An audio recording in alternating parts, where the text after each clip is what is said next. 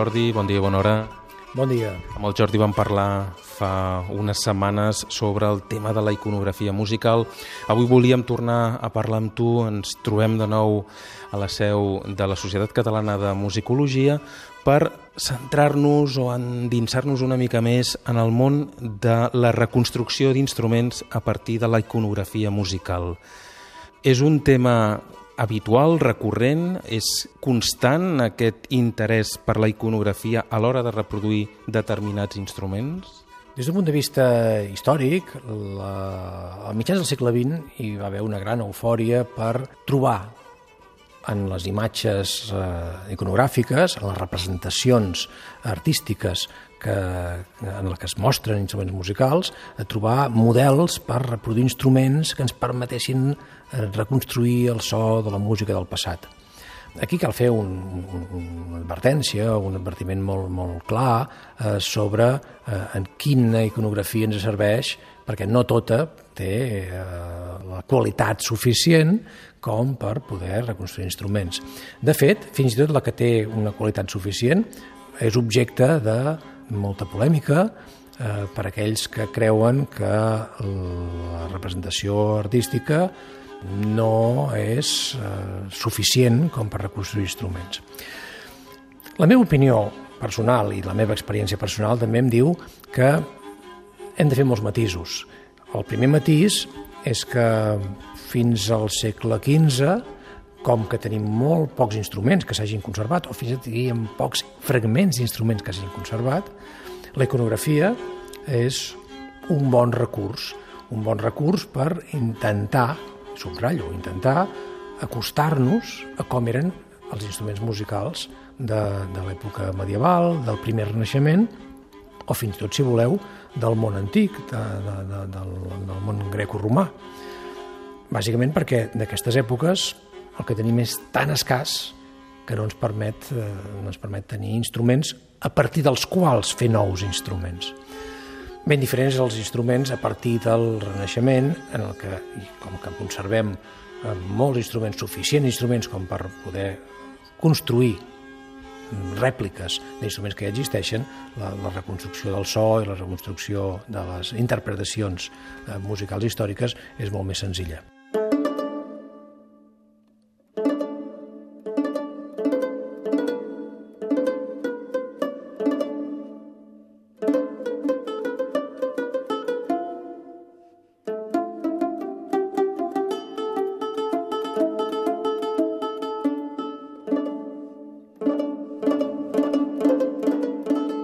Gràcies a la iconografia musical hem pogut recuperar molts instruments ho deies ara fa un moment, que no ens han arribat.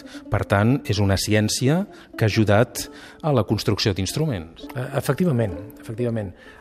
No obstant, cal tenir present que eh, no, totes les, eh, no tots els suports artístics ens donen el mateix tipus d'informació. Eh, és evident que en una pintura, en què tenim un element bidimensional, eh, ens falten molts elements que no, no són mesurables ni són uh, objectivables.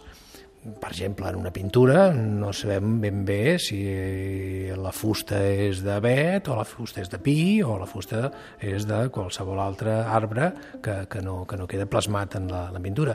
Tot i així, cal dir que hi ha organòlegs que pel color del pigment en què ha estat representat han arribat a, discernir entre diferents tipus de fustes en una representació eh, iconogràfica. El que es pot determinar, probablement, és que són fustes diferents. Ara, quina fusta, aquí tenim un, un gran problema. No només això, sinó que quan tenim, eh, observem un, un, un instrument representat en, en, en la pintura, tampoc sabem com està construït per dintre.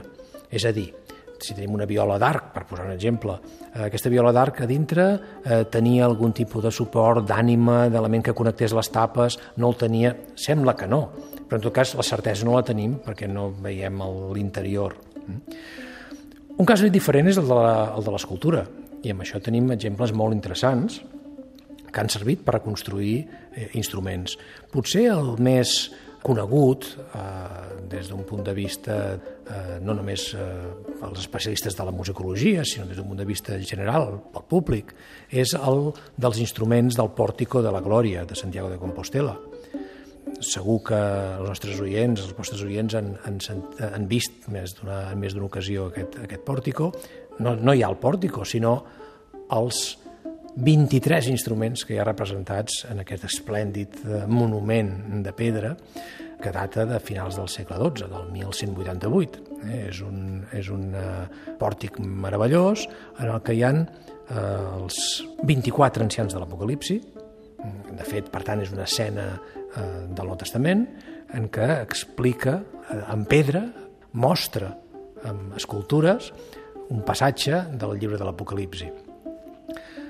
En aquest llibre ens explica que en la visió celestial del cel, el que veu aquesta visió visualitza, ens explica la presència de 24 ancians. Aquests 24 ancians són un símbol des del principi fins al final. Eh? De fet, aquests 24 ancians representen la unió de l'Antic Testament i del Nou Testament. Eh, aquests 24 els hem dividit per, per dos i per tant tenim les 12 tribus d'Israel, els 12 apòstols, que s'uneixen en la clau de volta d'aquest pòrtic. La representació d'aquests instruments està relacionada també amb un element simbòlic. El so d'aquests instruments serà l'oració d'aquests ancians, d'aquestes 12 tribus i d'aquests 12 apòstols, que estan preparant-se per cantar un càntic nou, el càntic de la segona vinguda de Crist. Per tant, el de la fi dels temps i el renaixement eh, d'una un, nova era.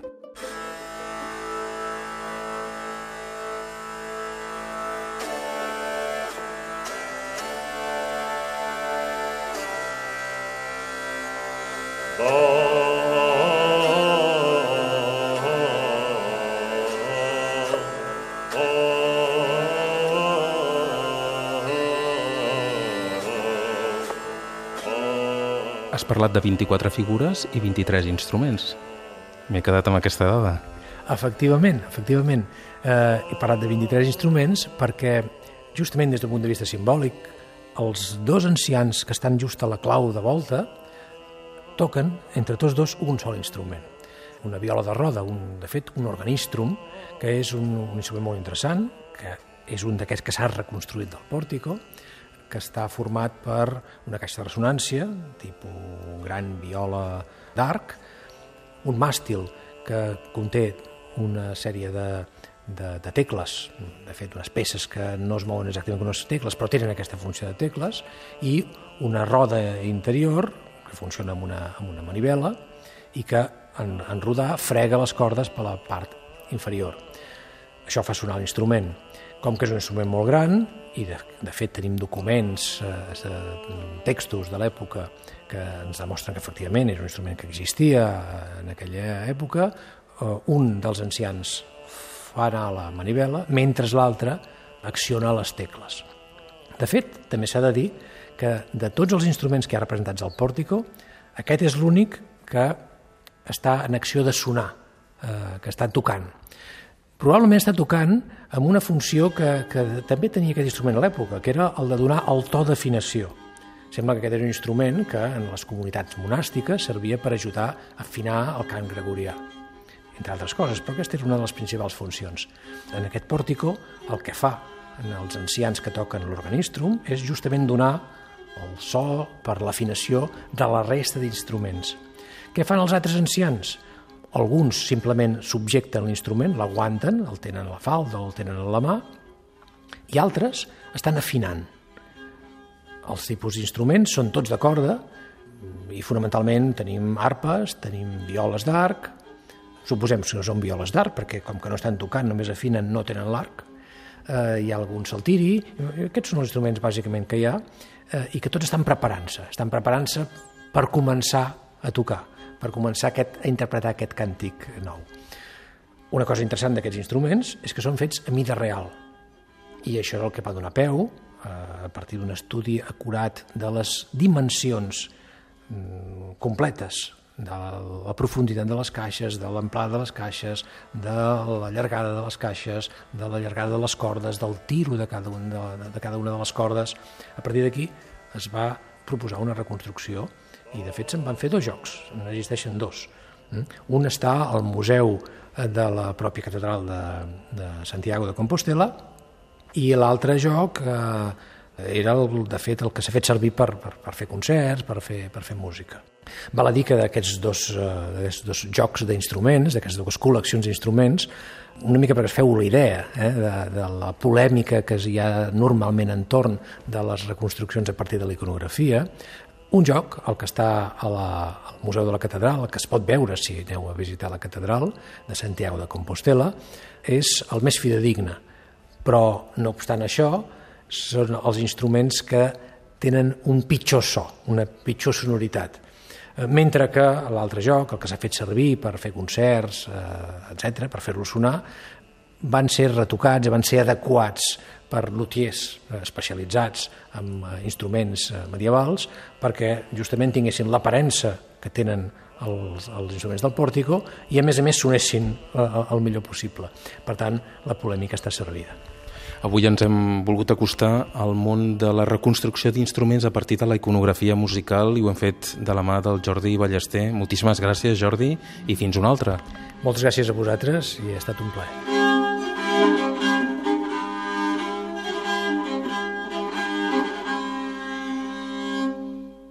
El taller del luthier, el programa d'instruments de Catalunya Música.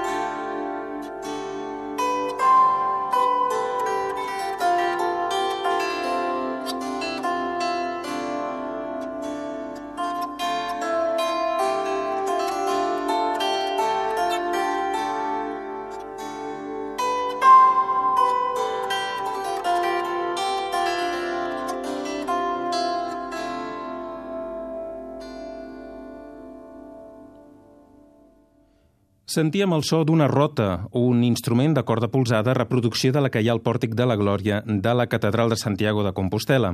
Aquesta i la resta de músiques que heu sentit de fons de l'entrevista amb Jordi Ballester ens les ha proporcionat amablement el luthier Francisco Luengo, una persona que fa molts anys que estudia també aquest tema. La interpretació era del grup Malandança, que dirigeix el mateix Luengo. Un dels intèrprets d'aquest conjunt és l'arpista Manuel Vilas, a qui tindrem aviat a la secció Companys de viatge.